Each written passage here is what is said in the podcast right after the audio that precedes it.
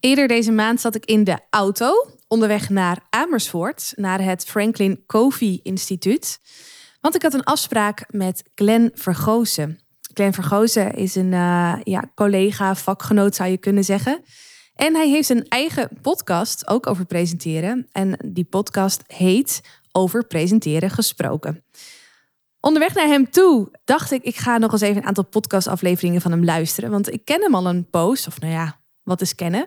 We volgen elkaar al heel erg lang op LinkedIn. Ik kan me nog herinneren dat hij in 2019 zijn podcast was begonnen. En ever since heeft hij echt hele grote namen in zijn podcast gehad. Denk aan uh, Hans Kazan, denk aan Jan Geurts, Remco Klaassen, Eva Brouwer, Arnold van den Bossen, die je wellicht kent van die sketch over PowerPoint en hoe je het vooral niet moet gebruiken. Ik krijg hem zelf heel vaak toegestuurd. Thijs Lindhout, maar ook Guido Weijers. Ik was onderweg naar Glenn en ik dacht ik ga gewoon eens eventjes een van zijn laatste podcastafleveringen luisteren. En dat was een podcastaflevering met Guido. En ik vond dat bijzonder tof. Net zoals dat ik het überhaupt tof vind om boeken te lezen over spreken. En dan mensen te horen over, uh, over mijn vakgebied. Met hun eigen nuance op de theorie. Die ik dan vaak echt kan beamen. Maar waarvan het voor mij gewoon heel erg leuk is om te horen en te lezen hoe zij daarover vertellen. Nou, dat was ook bij Guido Weijers. En Guido heeft me naast dat ik ja, bepaalde dingen van hem hoorde die ik ja, voor mij niet nieuw waren, maar wel uh, de manier waarop hij ze vertelde, zeg maar, toch wel weer nieuw waren, heeft hij me ook een aantal dingen bijgebracht die voor mij echt nieuw waren, die me echt nieuwe inzichten hebben gegeven.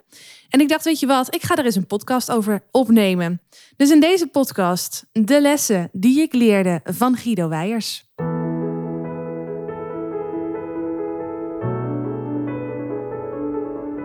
Mijn naam is Marije Wielenga. Is presenteren voor jou van essentieel belang om succesvol te zijn? Zakelijk, publiekelijk of persoonlijk? Dan is deze podcast Stralen Presenteren voor jou.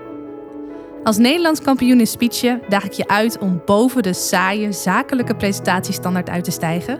En meer dan dat nog, om boven je eigen standaard uit te stijgen. Blijf luisteren om te leren hoe.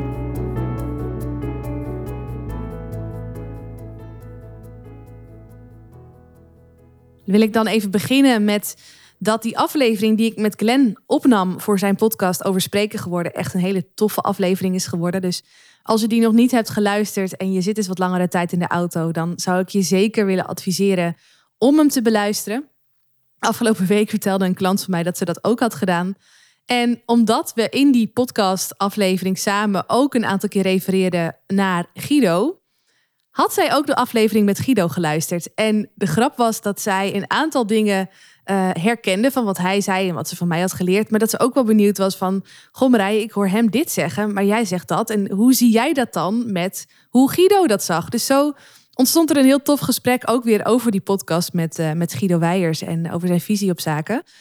En dat vond ik heel fris. Dus weet je, ik neem ook haar um, vraagtekens mee in deze podcastafleveringen bij de onderwerpen die, uh, die Guido heeft uh, aangesneden. Of in ieder geval de onderwerpen die mij nu uh, twee weken later nog, nog steeds zijn bijgebleven. Want ik heb hem niet voor deze aflevering nog een keer geluisterd om alles weer helemaal vers in het geheugen te krijgen. Dus dat wat je gaat horen is echt dat wat, ja, wat mij is bijgebleven. En ook dat waar mijn klant wat kritische vragen over had. En waar ik ook mijn nuance in, in aan zal brengen. Goed, laat ik beginnen met echt de meest waardevolle les die ik heb gehoord.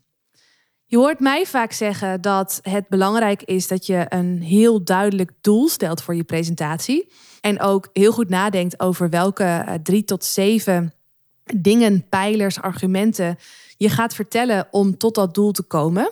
En daarbij ook echt, en dat is wel een van de lastigste dingen um, om te doen, vind ik, als je ergens heel veel passie voor voelt en als je helemaal vol bent van het onderwerp en er gewoon ook heel veel over weet, is om echt de keuze te maken om de rest uh, buiten beschouwing te laten. Om niet in verleiding te komen om dat toch allemaal te gaan vertellen, want dan wordt het verhaal gewoon te groot, kunnen mensen je niet meer volgen. Maar in het kader daarvan had Guido ook een, uh, ja, vertelde hij ook iets heel interessants van hoe hij omgaat met het schrijven van zijn shows. En ook hoe hij tijdens zijn shows de hoofd- en de bijzaak van elkaar scheidt. Uh, en ook in welke verhouding ze dan staan tot elkaar. Guido die zei dat hij op een show van een uur, bijvoorbeeld, als ik het zo even goed, uh, goed herinner, dat hij dan een rode draad heeft, een kernboodschap, die hij ook in een kwartier kan vertellen. Dus waar hij het mee begint ook, als hij zijn theaterstukken schrijft, is met die rode draad. Met de boodschap die hij wil vertellen en de argumenten of pijlers, of nou ja, ik weet niet hoe hij het noemt, om daar te komen. Om tot die logische boodschap te komen waar mensen dus wat mee kunnen doen. Of laten of nooit meer vergeten wellicht. Dat is de invulling die ik eraan geef. Op basis van de theorie van Remco Klaassen. Maar zijn boodschap dus, de echte boodschap, past in een vierde van wat hij daadwerkelijk vertelt. Want wat hij vervolgens doet, dan zou je zeggen, nou, dan kan je die andere drie kwartier toch weglaten. Nee, niet bij cabaret, maar ook niet bij zakelijke presentaties.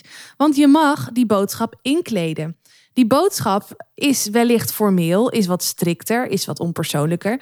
Maar die moet je een beetje aankleden. Die moet je kleur geven. Daar mag uh, humor in voorkomen. Daar mogen anekdotes bij te pas komen.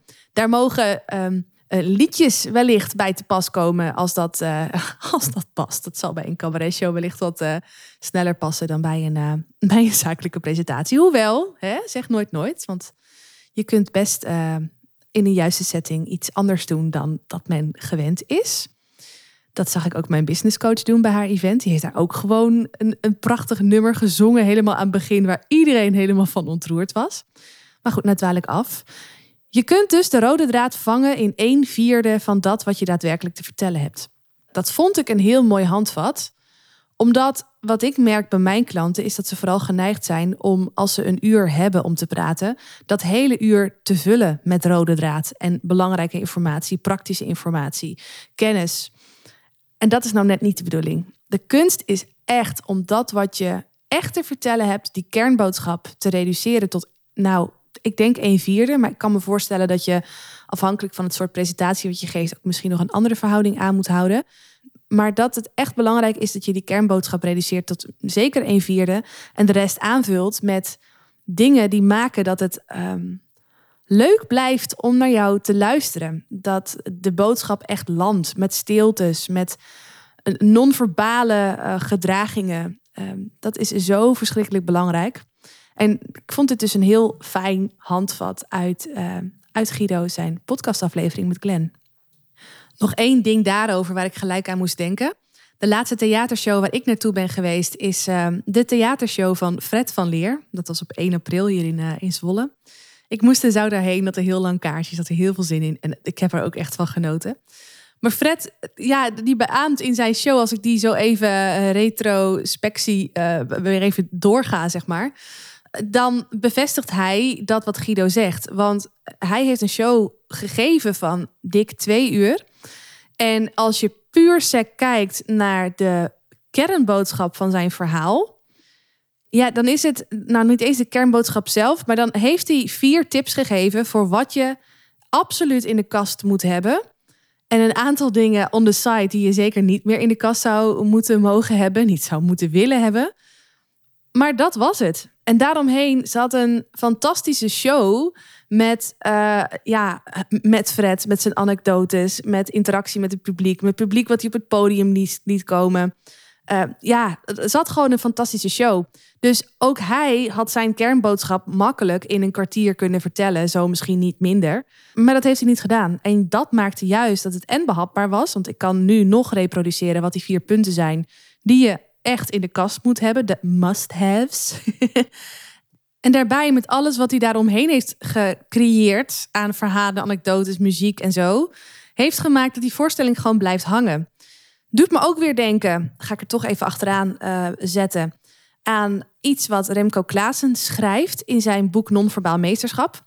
Stel jezelf even voor een driehoek op de kop, waar drie lagen in worden uh, onderscheiden van elkaar. Uh, de laag entertainment, de laag empowerment en de laag educatie. Wat Remco zegt, en hier ga ik ook echt, die ben ik het zo mee eens. Remco zegt: het minst belangrijk aan je presentatie is het stukje educatie. Daarom is het ook dat kleine stukje van de driehoek helemaal onderaan. Educatie is het formele stuk, het droge stuk, de, de rauwe kost. Belangrijker dan dat is dat er empowerment plaatsvindt in je presentatie. Dus dat je mensen aanzet om iets te doen, om echt in beweging te komen. Maar wat het aller, allerbelangrijkste is, is dat mensen daadwerkelijk naar je luisteren.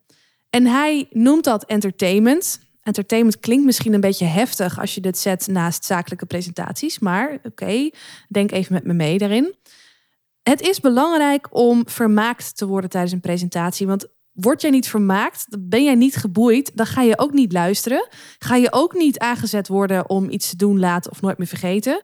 En ga jij zeker niet die kernboodschap, dat educatieve stuk, vasthouden. Dus dit is best wel een schok voor, ja, vooral voor de zakelijke wereld, hè, waar ik dit wel eens breng als ik een in-company training geef. Omdat we daar zo gewend zijn om dat stukje educatie, die formele boodschap, die cijfers, die, die werkwijze maar heel groot te maken, waar uh, eigenlijk verder niks bij komt. Ja, ga dat doen. Ja, oké. Maar ik voel me dan, als ik daar verder helemaal niet bij vermaakt ben, niet geroepen om er echt naar te luisteren. Eh, laat staan er ook echt iets mee te gaan doen. Even heel gechargeerd gesproken. Dus dit is echt iets waar we van kunnen leren. En dat, dat vertelt Guido dus op zijn eigen manier heel mooi in die podcastaflevering. Wat ik ook super boeiend vond om te horen. En dat druist tegen mijn uh, teachings in. Maar kan ik tegelijkertijd wel plaatsen bij zijn beroep. En daarom was ik ook heel nieuwsgierig hoe dat voor hem werkte. Kijk, cabaretiers hebben een show. Die maken een show en die geven ze heel vaak. Tenminste, ja, vaak. Guido gaf aan, hij schrijft zijn show uit. Dus hij begint letterlijk met het schrijven. Eerst van die rode draad, zoals ik net vertelde. En daar bedenkt hij zijn grappen en zijn anekdotes bedenkt hij daar omheen.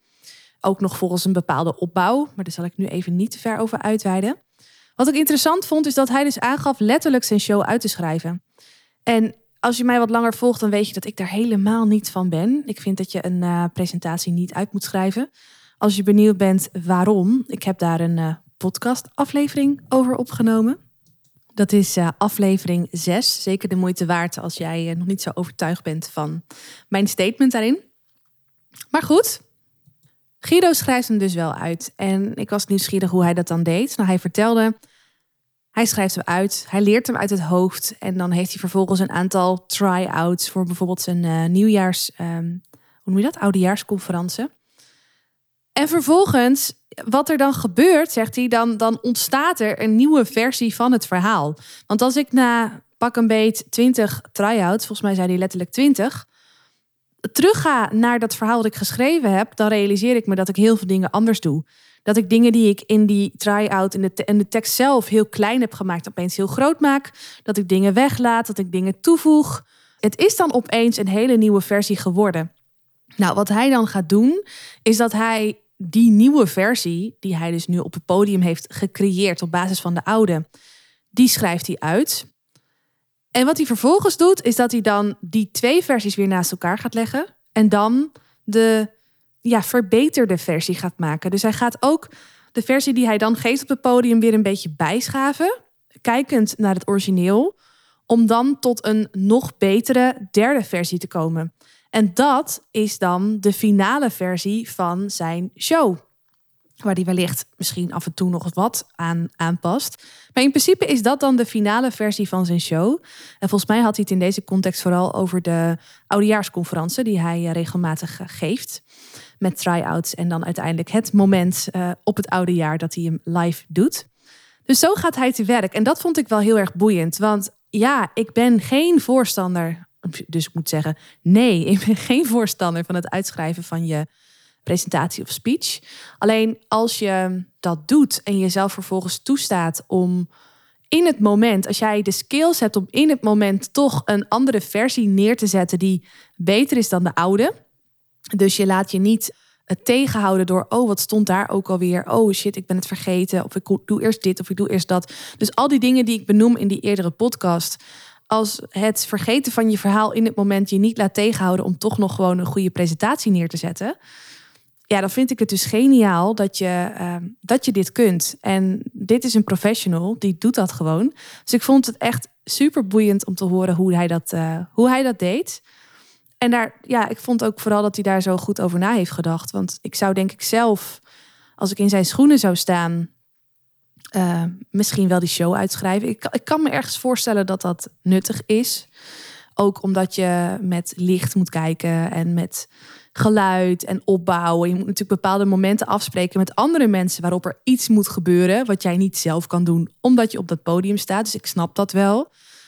Maar ik denk dat ik eerder geneigd zou zijn om dat een beetje te laten varen, daar een nieuwe versie van te creëren op dat podium. En dan vervolgens te denken, nou ja, dit is gewoon een nieuwe versie. Klaar. ja, that's it. Maar uh, nou, zo gaat hij dus niet te werken. En dat vond ik wel heel tof om, uh, om te horen van hem. Iets anders wat hij ergens een keer duidelijk aanhaalt, is dat het zo belangrijk is dat je jezelf even voorstelt. Het ging bij hem over de context van grove moppen vertellen. Dat hij soms best wel ver gaat, omdat hij vindt dat je, hoe noemt hij zichzelf, de vechter voor het vrije woord? Ik weet het niet precies, maar hij vindt dat je alles moet kunnen zeggen op het podium. Ook al kwetst dat mensen, je moet gewoon alles kunnen zeggen. Hij is dus de voorvechter van het vrije woord, zo noemt hij zichzelf. En vanuit dat kader ja, is het wel fijn dat mensen een beetje weten waar ze aan toe zijn voordat je ze choqueert. Dus dat je ze een beetje opwarmt als je dus heftige moppen gaat vertellen. Als hij een voorstelling geeft en er komen heftige moppen in voor, dan zal hij dat altijd aangeven van tevoren bij het publiek. Of dan zal hij het altijd een beetje opbouwen. En zo weten mensen waar ze aan toe zijn. En zo kwam hij erop dat hij zei dat heel veel mensen dat gewoon niet, niet, niet, niet doen van tevoren. Die gooien er dan opeens iets in en dan, dan, landt het niet bij het publiek omdat ze dat niet aan zijn gekomen. Of omdat het een beetje rauw op hun dak komt. Hij zegt het is zo belangrijk dat je jezelf voorstelt. En niet alleen voorstelt met je naam, maar ook wat je te brengen hebt. Wat, wat de relatie is tussen jou en dat wat je gaat vertellen. En dit vond ik wel een mooie, want ehm, ja, even twee dingen daarover. Allereerst ja, natuurlijk is het belangrijk dat je jezelf voorstelt. Ik uh, ben er alleen zelf heel erg van dat als je staat voor een publiek en de aandacht is er niet direct. Ze zijn misschien wel stil, maar ja, dat wil niet zeggen dat ze ook echt, echt aandacht voor je hebben. Ik ben er zelf een voorstander van om dan iets te doen wat, uh, wat die aandacht trekt. En dan, dan pas jezelf voor te stellen. Dus door eerst een stukje anekdote te vertellen of een vraag te stellen of iets. Zodat mensen denken, hè, wat gebeurt er? Of, uh, oh, we zitten er al in. En als die aandacht er echt is, om dan jezelf voor te stellen. En dat duurt, vind ik, ja, dat duurt geen half uur. Dat duurt gewoon een paar minuten. Even afhankelijk van uh, dat wat je doet en wat het wat de tijd is die je over het algemeen te besteden hebt, over het grotere geheel. Maar ik vind dus dat je jezelf wel degelijk voor moet stellen. En het grappige was dat mijn klant van de week die me hierop aansprak, die zei: Ja, Guido zei dat, maar, maar jij zei dat je dat, ja, jij doet dat anders. Jij begint met iets en dan stel je jezelf voor. En toen dacht ik: Ja, ik weet niet of Guido dit dan tegen zou spreken. Ik denk het niet. Maar een groot verschil is natuurlijk wel als je cabaret of een theatershow vergelijkt met een zakelijke presentatie. Ervan uitgaan dat die theatershow, dat mensen kaartjes hebben gekocht om naar jou te komen kijken. Dus al helemaal intrinsiek gemotiveerd zijn om, om gewoon de volledige aandacht uh, bij jou te hebben. Dat is toch wel een andere setting dan wanneer je voor een groep staat. Uh, misschien wat formeler in een zakelijke setting. Ja, die, die zullen wellicht ook wel intrinsiek gemotiveerd zijn hoor, als je geluk hebt. Maar het is toch een andere setting. Daarbij vind ik het dus belangrijk dat ze eerst echte aandacht hebben voordat je jezelf voorstelt. En ik denk eerlijk gezegd, hè, ik, ik heb zo niet een, een show van Guido voor ogen, dat hij dit ook wel kan beamen. Dat je prima met iets kunt beginnen als je jezelf maar kort daarop voorstelt, even in relatie tot het uh, onderwerp en dat wat je gaat doen. Als je gaat chockeren, zeg dat dan even van tevoren. Als je het alleen maar over dat onderwerp gaat hebben, zeg het dan even van tevoren. Dan nog iets anders over voorstellen gesproken. Wat ik graag zelf nog even toe wil voegen. Dit wordt gewoon echt een, beetje een teaching volgens mij. Deze podcastaflevering. Er zit heel veel waarde in, dus ik hoop dat je, dat je goed luistert. Want voorstellen, je kunt je voorstellen als jij zelf je publiek al kent en het publiek kent jou. Waarom zou je jezelf dan nog voorstellen? Dat klinkt niet logisch. En dat zou je ook kunnen bedenken uh, als je het over Guido hebt, die zijn eigen cabaretshow heeft geschreven, waar mensen kaartjes voor hebben gekocht. Dus ja, als je kaartjes koopt voor Guido, Weijers, dan weet je dat Guido Weijers voor je staat. Dus hoe zie je voorstellen dan als het publiek je al kent? Nou, dit is iets wat ook regelmatig aan bod komt uh, in gesprek met mijn klanten. Voorstellen is niet per se dat je altijd moet vertellen wat je naam is en wat je beroep is, want mensen kunnen dat misschien weten. Maar voorstellen kan ook zijn dat je vertelt waarom jij daar staat in relatie tot dat wat je gaat vertellen. Dus um, Guido gaf het al aan in, hè, in die podcastaflevering van hem met Glenn. Ja, hij, hij vertelt dan, als er heel veel grof, grove moppen gaat vertellen, dan, dan, vertelt hij zoiets van tevoren. Dan leidt hij dat in en dan snappen mensen dat. En dat doet hij zoals, uh, zoals zijn beroep ook uh, betaamt, op een, op een leuke, ludieke, luchtige manier. Hij had ook nog een aantal leuke voorbeelden van hoe anderen dat doen en hoe geniaal hij dat vond. Even terug naar die zakelijke setting. Daarbij is dat ook van belang. Want ook als je een interne presentatie geeft over, nou, laat ik het zeggen, een uh, nieuw product wat je, wat je gaat lanceren. En vanuit het management ga je dat eh, dus verkondigen. Ik noem maar even wat, hè, hypothetisch gezien. Eerst het beste wat in me opkomt. Dan weten mensen misschien wel dat jij manager bent of directeur bent van het bedrijf. Alleen het is ook wel fijn dat ze even de relatie snappen tussen jou en waarom jij deze boodschap van dat nieuwe product dat gelanceerd wordt, komt vertellen. Dus vertel even dat jij bijvoorbeeld in de ontwikkelings, uh, uh, in de projectgroep hebt gezeten voor de ontwikkeling hiervan. Of dat jij de aandrager bent geweest van het idee om dit te doen, omdat jij iets gezien hebt in de wereld waarvan je dacht: hé, hey, hier kunnen wij op inspringen en dat doen we nog niet. Weet je, benoem even je relatie tot dat wat je gaat vertellen. En dat is ook een vorm van voorstellen. Dus zie voorstellen niet alleen als jezelf voorstellen qua naam en functie, maar ook vooral echt als het uh, aangeven van wat jouw autoriteit is in relatie, is in relatie tot het onderwerp waar je over spreekt. Want als mensen dat niet snappen, dan landt de boodschap ook minder goed. Mensen willen graag de link snappen tussen jou en het onderwerp, ook al kennen ze je. Dan zijn er nog twee dingen die ik graag uit wil lichten. En eentje is er een die voor veel mensen heel erg schuurt aan ongemak. En dat is wat, ja, wat voor Guido nog weer veel belangrijker is dan voor ieder van ons die misschien een keer voor 50 man of minder presenteert. En dat gaat erom dat je drama toevoegt aan je verhaal. Zoals je wellicht weet, de boodschap die je vertelt bestaat voor een groot deel niet uit de tekst die je vertelt, uit je, de tekst die je hebt, uh, nou, die overbrengt, maar uit hoe je die boodschap non-verbaal overbrengt. Dus met de klank van je stem, met de mimiek in je gezicht, met je gebaren, met hoe je staat, met wat je aan hebt, met al die uh, non-verbale aspecten. Nou, dit is iets wat we veelal wel weten. Alleen wat veel mensen zich nog onvoldoende realiseren, is dat als je voor een groep staat, dat je daarmee de gebaren en je non-verbale gedragingen groter moet maken dan wanneer je gewoon één op één tegenover elkaar staat en een gesprek met elkaar voert. En misschien weet je het wel, maar dan nog kan het heel ongemakkelijk voelen als je dan wel voor een grotere groep staat dat je die non-verbale gedragingen uitvergroot, omdat dat zo theatraal voelt. En theatraal is in een context van een cabaretier die voor een publiek staat misschien wat ja, gebruikelijker dan iemand die voor een groep staat in een andere setting. Maar dit is wel nodig. Dus ik vond het heel fijn dat hij op een gegeven moment ook. Ja, hij heeft daar niet letterlijk echt een tip voor gegeven, volgens mij. Maar hij heeft het wel heel uitgebreid benoemd. Hoe je dingen moet uitvergroten. Hoe je stiltes moet uitvergroten hoe je ook je stem. Hij vertelde op een gegeven moment over een voorstelling waarin hij, uh, die hij heeft moeten afkappen omdat hij last had van zijn stem. En dat vond hij nogal wat. Was hij ook helemaal niet gewend. Maar hij kon, hij kon nog wel praten, alleen hij kon niet meer um, de hoge tonen, lage tonen, schreeuwen. Um, dus echt die, die, die uiterste opzoeken om die non-verbale gedragingen toe te voegen aan zijn boodschap, die nodig zijn om diezelfde theaterbeleving te kunnen krijgen. toen heeft hij de show gestopt niet zozeer voor zichzelf, maar vooral omdat hij het publiek niet kon geven wat hij vond dat ze mochten ontvangen. De beste versie van zichzelf, van zijn stem in dit geval. Nou, dat was voor hem wel een dingetje. Maar dat geeft maar aan hoe belangrijk het is dat je dat wat je overbrengt, ook non-verbaal, echt niet onderschat. Dat dat echt belangrijk is dat je dat ook mee laat praten met, met, met je interne boodschap.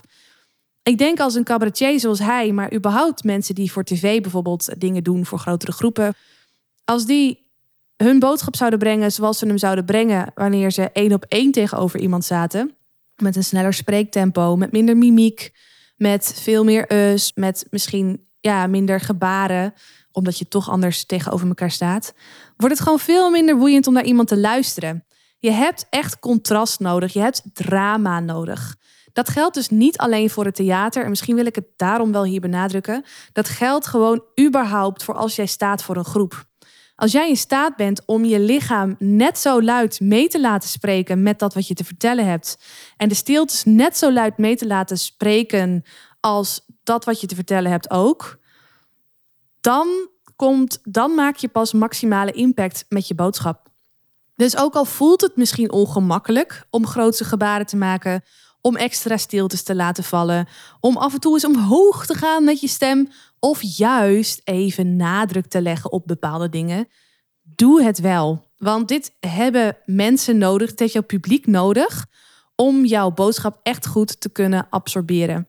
En daarom wilde ik het nog een keer aanhalen hierin. En daarom ben ik ook zo blij dat, dat Guido dat, dat zo vertelde in die podcast. In hoe hij dat, nog veel meer dan dat ik dat persoonlijk gewend ben. Omdat ik niet uh, een cabaretier ben en ook niet dagelijks of wekelijks voor uh, een publiek van duizend man sta. Um, hoe, hij dat doet in de praktijk. Vond ik onwijs inspirerend. Oké, dan nog een laatste les die ik, die ik leerde. En dat was voor mij, voelde voor mij als een hele mooie verdieping op wat ik zelf daarmee ook weer doe. En het gaat over improviseren. Want ja ik, ik, ja, ik hoor verschillende mensen. Ik hoor mensen die zich echt heel ongemakkelijk voelen bij presenteren en daar beter in willen worden. Het zijn over het algemeen niet de mensen met wie ik werk, maar die zijn er wel. En dat is helemaal niet gek als je nagaat dat uh, presenteren uh, op nummer 1, nummer 1 staat. Of nou in ieder geval in de top 3 staat van de grootste angsten die wij kennen als mens. Maar er zijn ook mensen die juist hun hand er niet voor omdraaien. Het hoeft niet per se een hobby te zijn, maar als ze voor die groep staan, dan gaan ze gewoon los. En als ze een keer wat vergeten zijn, dan lullen ze er lekker overheen. He, die gaan ook het liefst, omdat ze gewoon gewend zijn dat, dat ze dit makkelijk kunnen, onvoorbereid uh, voor groepen staan.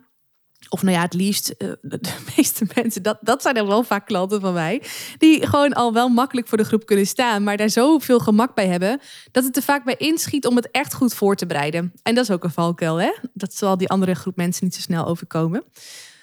Maar goed, uh, die komen er ook vaak mee weg als ze even niet het juiste weten op het juiste moment of iets vergeten of iets dubbel vertellen.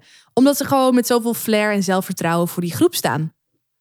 Dit zijn de mensen die ook over het algemeen wat makkelijker improviseren. Dus in het moment gewoon iets kunnen vertellen zonder dat ze dat hebben voorbereid. Omdat de situatie daarom vraagt of omdat ze zichzelf gewoon een beetje in het nauw hebben uh, gedreven. Wat Guido daarover zei, en dat vond ik echt heel tof, is dat, um, en dat even in relatie tot het uitschrijven van zijn shows. Hij zegt, een van de redenen waarom hij die shows uitschrijft, zo, ja, nou, nou, nou herinner ik het me weer, is omdat hij de ruis weg wil halen. Wat er gebeurt, kijk, hij is natuurlijk ook een man die gewoon heel makkelijk zijn verhaal kan doen. En volgens mij hoeft hij niks voor te bereiden om toch iets nuttigs te kunnen vertellen. Het is een vak, het is een passie.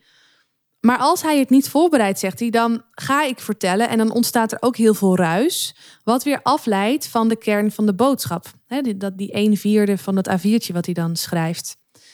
Dus het is fijn als je goed kunt improviseren en het is fijn als je makkelijk voor die groep staat, maar je loopt er ook een groot risico mee en dat is het risico dat als jij je te slecht voorbereidt of te veel improviseert, dat dat een hoop ruis veroorzaakt, die mensen eerder afleidt van de kern van de boodschap dan dat het echt iets toevoegt aan de kern van die boodschap. En daarmee doe je dus ook jezelf tekort, want je maakt minder impact, omdat je dus te veel ruis uh, geeft in je boodschap. Dus dat is voor hem ook een reden, zei hij, om als hij uh, dus een paar keer zo'n try-out heeft gehad en opnieuw kijkt naar de nieuwe versie van zijn verhaal en dat legt naast zijn oude versie, dat hij dan weer even heel strikt kan kijken naar, hé, hey, wacht even. In hoeverre is het leuk wat ik heb toegevoegd en voegt het ook echt iets toe? En in hoeverre heb ik gewoon onbewust allemaal ruis laten ontstaan, wat maakt dat mensen eerder afgeleid worden van de kern van deze show dan dat het echt nog iets toevoegt. En dat vond ik super waardevol. Want ja, het is fijn als je kunt improviseren. Maar onderschat ook niet hoe belangrijk het is dat je je boodschap goed voorbereidt. Als jij zeker wil weten dat je maximale impact maakt. Is er dan nooit meer ruimte voor ruis? Of nou ja, ruimte voor improvisatie? Nou, denk ik niet. Maar het is wel heel goed om mee te nemen. Vooral als jij een van die mensen bent, zoals uh, veel van mijn klanten dus ook zijn, die wel makkelijk voor de groep staan en zichzelf niet altijd evenveel tijd gunnen om de boodschap die ze te vertellen hebben goed voor te bereiden, omdat ze zich er toch wel uitredden. Weet je, het is, het is makkelijk gedacht en je komt ermee weg. Maar vraag jezelf af of je echt de impact maakt die je zou willen maken, die je had willen maken. Als je het niet gewoon wat beter had voorbereid en die ruis dus had kunnen voorkomen. Dat waren ze. Mijn gedachten na uh, de, het luisteren van de aflevering met, uh, met Guido Weijers in de podcast van Glen. Ik uh, wil deze, het einde van deze podcastaflevering nog even aangrijpen om, uh, om je ook te vertellen dat je zeker eens moet luisteren naar de podcast over spreken gesproken. Ik wil de aflevering die ik had met Glen, die onlangs online is gekomen, heel graag bij je promoten, omdat het een ja, het, is een heel mooi gesprek geworden. Een heel breed gesprek over speechen, over presenteren. Uh, do's en don'ts. Over mijn eigen reis, mijn eigen ontwikkelingsreis daarin. Over kwetsbaarheid, persoonlijkheid. Nou, het is gewoon een heel mooi gesprek geworden, wat ik je zeker wil aanraden. Vooral als je wat vaker naar mijn podcast luistert. Dit is natuurlijk een, een monoloog, hè, wat ik nu voer. Uh, in mijn podcast vooral. Tenminste, tot op heden. en wat ik zo tof vind aan Duo-podcast, wanneer ik erbij uitgenodigd word, is dat je dan door een dialoog, door een ander eigenlijk gestuurd wordt om weer eens wat anders te vertellen dan dat je zelf voor ogen had. En dat, ja, dat, dat, dat, dat kan risico's met zich meebrengen, dat je dan van de hak op de tak gaat. Maar het kan ook echt heel veel waarde brengen als het je, jou en, en de luisteraars dus, jullie, brengt tot onderwerpen ja, waar ik of nog wel niks over heb verteld of niet zo snel wat over zou vertellen. Uh, of ja, vanuit een ander perspectief benader. Dus uh, vandaar dat ik heel graag die aflevering bij je uh, promoot. Over spreken gesproken. Glenn Vergozen, zo heet hij. En daarnaast is het natuurlijk leuk, als je nou nieuwsgierig bent geworden naar die podcastaflevering met Guido Weijers, om die ook eens even te beluisteren. Die duurt nogal wat langer. Dus je moet er wel even voor in de auto zitten of er gewoon een beetje doorheen scrollen als dat voor jou werkt. Maar ook dat is dus een hele waardevolle podcast uh, geweest. Waar ik zelf dus heel veel inspiratie uit heb opgehaald. En jij wellicht weer andere dingen in terug hoort. Die, ja, daar waar ik nu reflecteer op dat wat, wat ik eruit heb geleerd. En dat wat ik super boeiend vond om te horen. Daar hoor jij wellicht weer andere dingen. Omdat jij uh, ja, met andere soorten presentaties te maken hebt. Of daar gewoon met een andere bril naar kijkt. Omdat wij anders zijn. Ik ben benieuwd wat jouw uh, take-outs zijn naar aanleiding van het luisteren van deze podcastaflevering. Dus laat het me weten wat de lessen zijn die jij hebt geleerd van mijn lessen van Guido Weijers. Ik vind het heel fijn om, uh, om van je te horen, om van je te lezen. En als je nou suggesties hebt voor een uh, onderwerp of een thema voor een volgende podcastaflevering, let me know. Dan maken we hem gewoon samen. Ik wens je een hele fijne dag en ik zeg graag tot de volgende aflevering. Is deze podcast waardevol voor je? Abonneer je dan op mijn kanaal om geen aflevering te hoeven missen. En als je dan toch bezig bent, geef je hem ook even 5 sterren via Apple Podcasts. Zou ik echt enorm waarderen. Dankjewel. Onthoud, je drinkt niet door met woorden, maar wel met het gevoel dat je de ander geeft. Tot de volgende aflevering. Doeg!